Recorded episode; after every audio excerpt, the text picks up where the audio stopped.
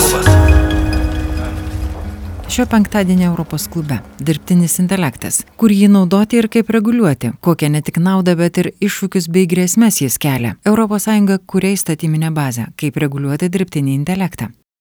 Junktinių valstijų ir Europos politinius lyderius vis labiau jaudina tai, kad Kinija naudoja dirbtinį intelektą savo žmonėms sekti ir kitokiam autoritariniam elgesiui. Tačiau kol kas ilgalaikiai sąjungininkai nėra vieningi dėl sparčiai besivystančios technologijos taisyklių. Netrukus Europos komisija pasiūlys dirbtinio intelekto reguliavimą. Junktinės valstijos, kuriuose gyvena pagrindiniai pasaulio dirbtinio intelekto kūrėjai, vietoj to nusprendė parengti savanoriškas gairias, kurias iš dalies ir suformavo pramonė. Kai kurios dirbtinio intelekto technologijos egzistuoja daugiau nei pusšimtį metų, tačiau pažanga skaičiavimo galios rytyje, milžiniškų duomenų kiekių prieinamumas ir nauji algoritmai pastaraisiais metais lėmė didelį šuolį. Dirbtinis intelektas gali padėti žmonėms sveikatos apsaugos, transporto, individualių produktų ir paslaugų srityse. Jis taip pat galėtų palengvinti informacijos išsilavinimo ir mokymo prieinamumą. Tai tapo ypatingai svarbu dėl COVID-19 pandemijos.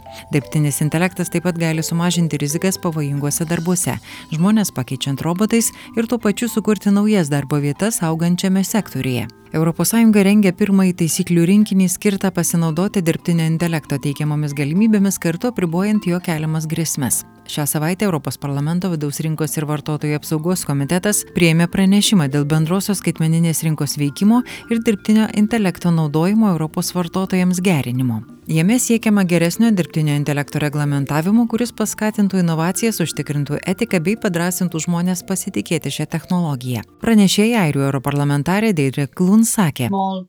Mes norime, kad mažos įmonės auktų ir tikrai norime turėti aiškias taisyklės bei įsipareigojimus. Tai labai svarbu, jei norite suteikti tikrumo kūrėjams ir vartotojams. Manau, turėtume pasakyti, nustatykime aišku reguliavimą ir žinoma, jokios fragmentacijos ar susiskaidimo. Vieningas ES požiūris yra tikrai svarbus. Dirbtinis intelektas laikomas svarbiausiu visuomenės skaitmeninės transformacijos momentu ir ES prioritetu. Tačiau tam reikia bendro susitarimo. Suprantu, kad valstybės narės norėtų turėti savo tvarką dėl kažko, tačiau dabar dėl konkurencinių priežasčių tikrai reikia, kad laikytumėmės europinio požiūrio sako vokiečių europarlamentaras Aksel Vos. Su dirbtiniu intelektu susidurime nuolat kasdieninėme gyvenime. Jis plačiai naudojamas teikiant suosmenintas rekomendacijas, remiantis ankstesnėmis jūsų paieškomis, naudojamas komerciniais tikslais. Paieškos sistemos mokosi iš daugybės naudotojų pateiktų duomenų, kad pateiktų pritaikytus paieškos rezultatus. Puikiai visi žinom, koks protingas yra Google ir kaip suranda viską pagalvos vieną kitą užuominą. Jau nekalbant apie išmaniuosius telefonus, virtualius asistentus, atsakinėjančius į klausimus, teikiančius rekomendacijas rekomendacijas ir panašiai. Google Translate dar vienas dirbtinio intelekto pavyzdys vertinamas dar kiek su šypsena, kai verčia į lietuvių kalbą, tačiau didesnėmis kalbomis jis naudojasi puikiai. Išmanus namai, miestai ir infrastruktūra, eismo reguliavimas, protingi automobiliai - visa tai jau kasdienybė. Per COVID-19 pandemiją dirbtinis intelektas naudojamas terminio vaizdo įrangose, oro uostuose ir kitur. Medicinoje jis gali padėti atpažinti infekciją iš kompiuterinės tomografijos plaučių tyrimų. Dirbtinis intelektas naudojamas, kad užtikrinti sveikesnį maistą, nes robotai galėtų ravėti pikdžiolę, sumažindami pavyzdžiui herbicidų naudojimą. Daugelis ūkių visoje ES jau naudoja dirbtinį intelektą gyvūnų judėjimui, temperatūrai ir pašarų vartojimui stebėti. Sutrumpintai vadinamas DI, jis galėtų iš anksto įspėti apie stichinės nelaimes ir leisti joms pasirenkti bei sušvelninti padarinius. Ką mes iš tikrųjų gauname iš Europos dabar, kai sparčiai darome pažangą dirbtinio intelekto srityje? Turime pasakyti, kad visi turintys idėją turėtų su ją dirbti, nepaisant to, ar įstatymų leidėjas jau yra pasirengęs. Antra, kyla klausimas dėl įsipareigojimų ir atsakomybės. O čia buvo daugiau kalbėti apie tai, kaip iš tikrųjų pereiti nuo didelės rizikos prie įprastos rizikos.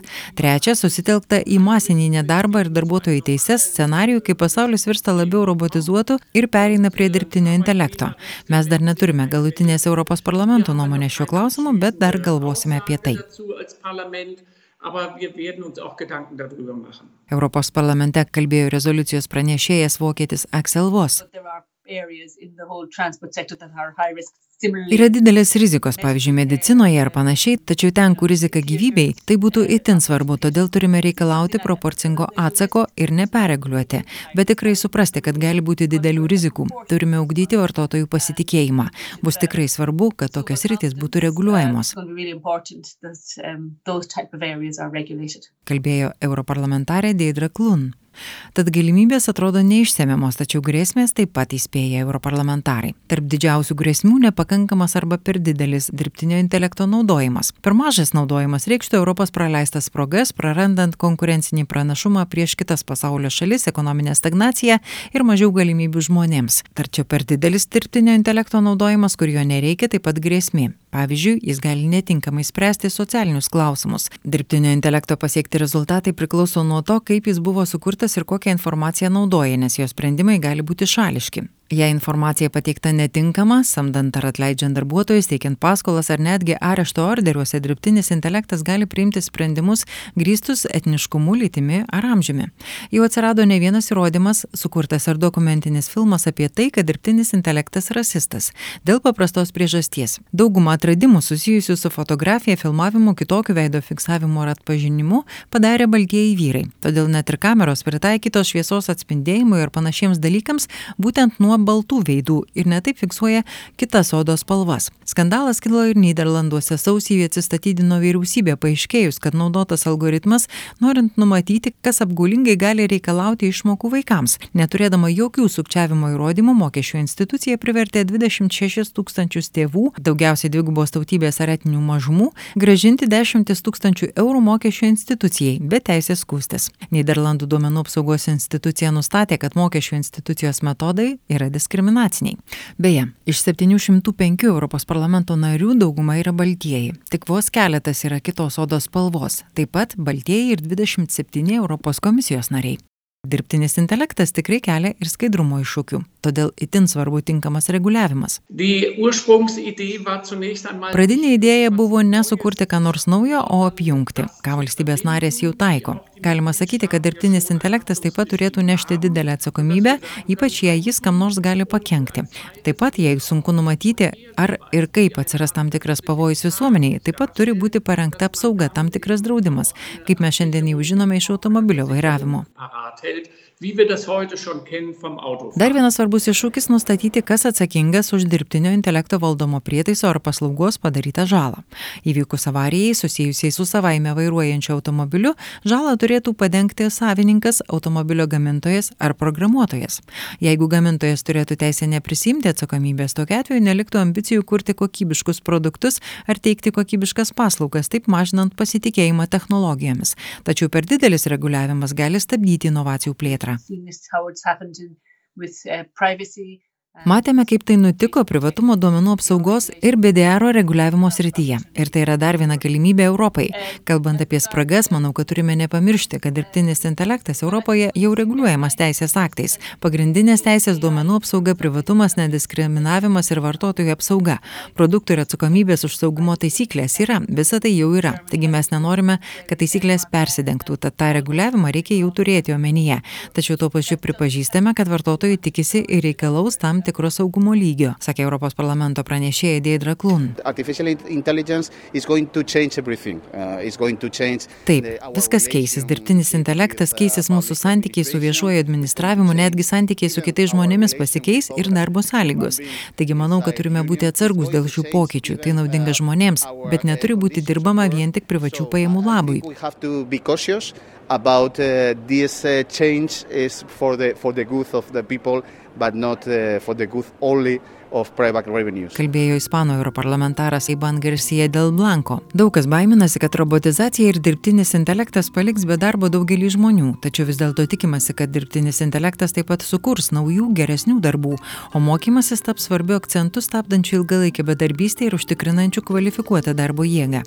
Europarlamentarai pabrėžia, kad skaitmeninės inovacijos turi būti stipriai remiamos, o ES įstatymų leidėjai turi garantuoti, kad bendruosiuose teisės aktuose būtų patikimos, teisingos, prieinamos ir į žmogų orientuotos technologijos. Pavyzdžiui, algoritmų sprendimai turi būti pakankamai kontroliuojami žmogaus. Europos mažos ir vidutinės įmonės turi gauti tinkamą paramą, kad galėtų pasinaudoti naujomis technologijomis. Ilgainiui, sako europarlamentarai, naujos technologijos galėtų padėti pereiti prie žiedinės ir tvarios ekonomikos. So, but, but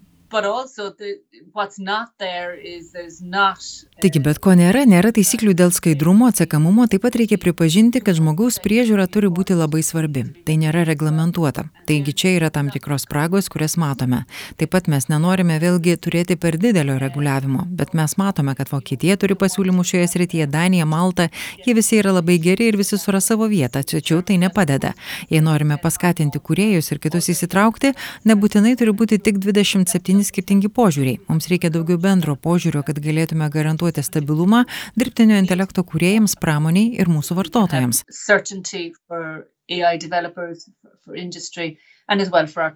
Kalbėjo pranešėja šio klausimo Deidra Klun. Tad parlamentas, atsakydamas į komisijos formuojamą Europos skaitmeninės ateities strategiją, ragina spręsti iššūkius kylančius dėl pereimo prie skaitmeninimo ir sutelkti dėmesį į dirbtinį intelektą kaip į priemonę remti Europos viešą ir privatų sektorių įgyvendinant būsimus pokyčius. Europos komisijos teisėkuros iniciatyvos dėl dirbtinio intelekto naudojimo pasirodys balandžio 21 dieną. Šiandien tiek. Prenumeruokite Europos klubą. Taip mūsų naujienos jūs pasieks laiku. Su jumis buvo Vilija Kvedaraitė, o prie projekto finansavimo prisideda ir Europos parlamentas. Europos klubas.